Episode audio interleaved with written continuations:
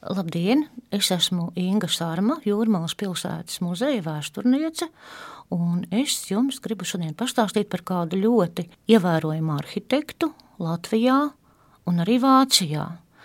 Un vai jūs zināt, kā Leipzigas opera, kas divreiz saņēmusi Eiropas gada operas nama nomināciju, ir ļoti cieši saistīta ar Latviju, jo tās arhitekts ir Friedrichs Skuiņš.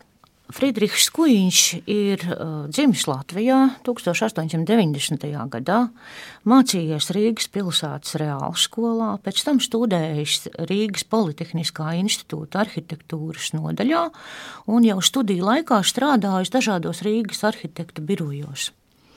Pirmā pasaules kara laikā, 1917. gadā, viņš devās spēkļu gaitās uz Krieviju, tur piedalījās Voroņiežas rūpnīcas projektēšanā, Maskavā ieguva inženieru arhitekta grādu, darbojās padomju Krievijas būvniecības pārvaldē, bet saskāries ar bolševiku teroru 17. gadā ar visām pilsoņu kara šausmām. Viņš izmantoja pirmo iespēju, lai atgrieztos Latvijā 1921. gadā.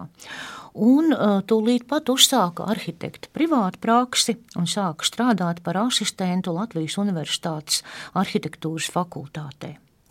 Latvijā tādu lielāku ievērību kā arhitekts viņš ieguva 1923. gadā, kad uh, bija izprojektējis Splendid Palace kinoteātra projektu, kas ir ārkārtīgi neparasts, jo tajā brīdī kinematogrāfs jau bija ļoti populārs un kinoteātri bija vairāki, taču tos parasti centās būvēt tādus ļoti modernus, diezgan askētiskus.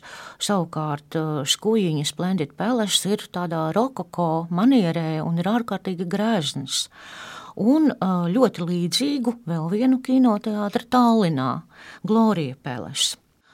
Nu, ar jūrmālu Friedrihu Skuiņu saista diezgan ilgs laika periods, no 1924.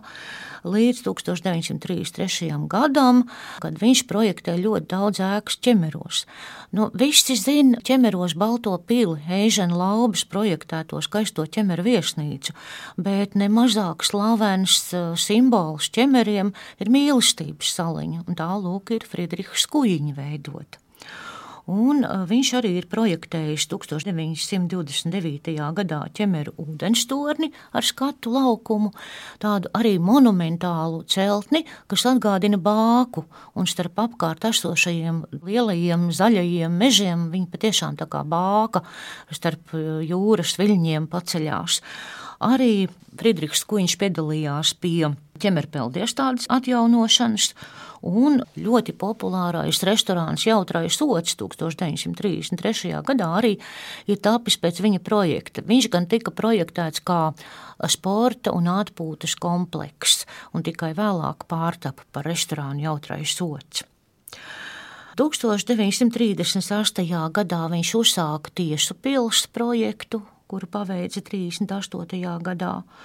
Un sākoties Latvijas okupācijai, 40. gadā Friedrichs Kuģiņš esot izteicies saviem kolēģiem, ka viņš Latvijā palikt netaisās, jo viņš nevēlas, lai viņa bērni izaugtu par komunistiem.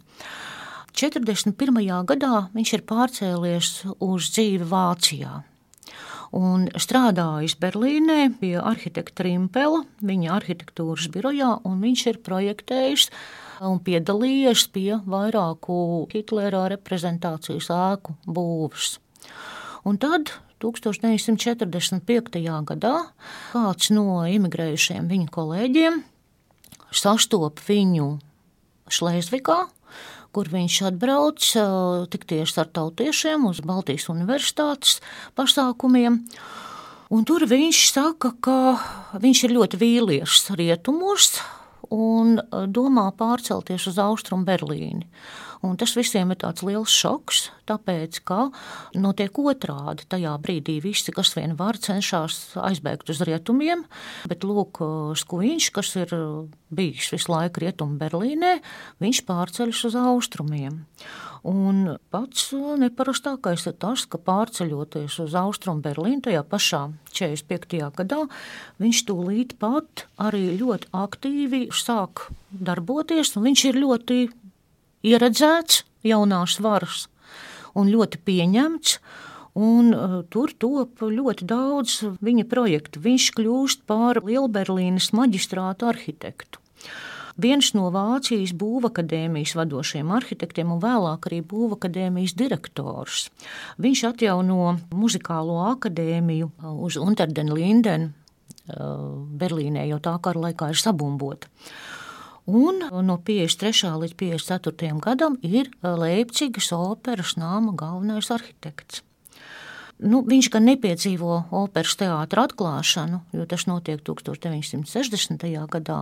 Friedrichs Kuņš ir miris 57. gadā. Viņa kolēģi par viņu ir izteikušies šeit, Latvijā, ka ļoti viņam paticis uh, stāstīt par saviem uzskatiem tieši arhitektūrā, telpas iekārtojumā, par interjeriem, bet viņš ir bijis ļoti noslēgts attiecībā uz savu personību, savu personīgo dzīvi. Un, kā teica profesors Pauls Kunziņš, ka viņa iekšējā struktūra vienmēr ir palikusi neatklāta. Nu, tas, kā viņam ir izdevies sadzīvot ar divām šādām lielvarām, ar nacionālu sociālistiem Vācijā un pēc tam ar komunistiem Austrumberlīnē, nu, tas joprojām paliek atklāts jautājums.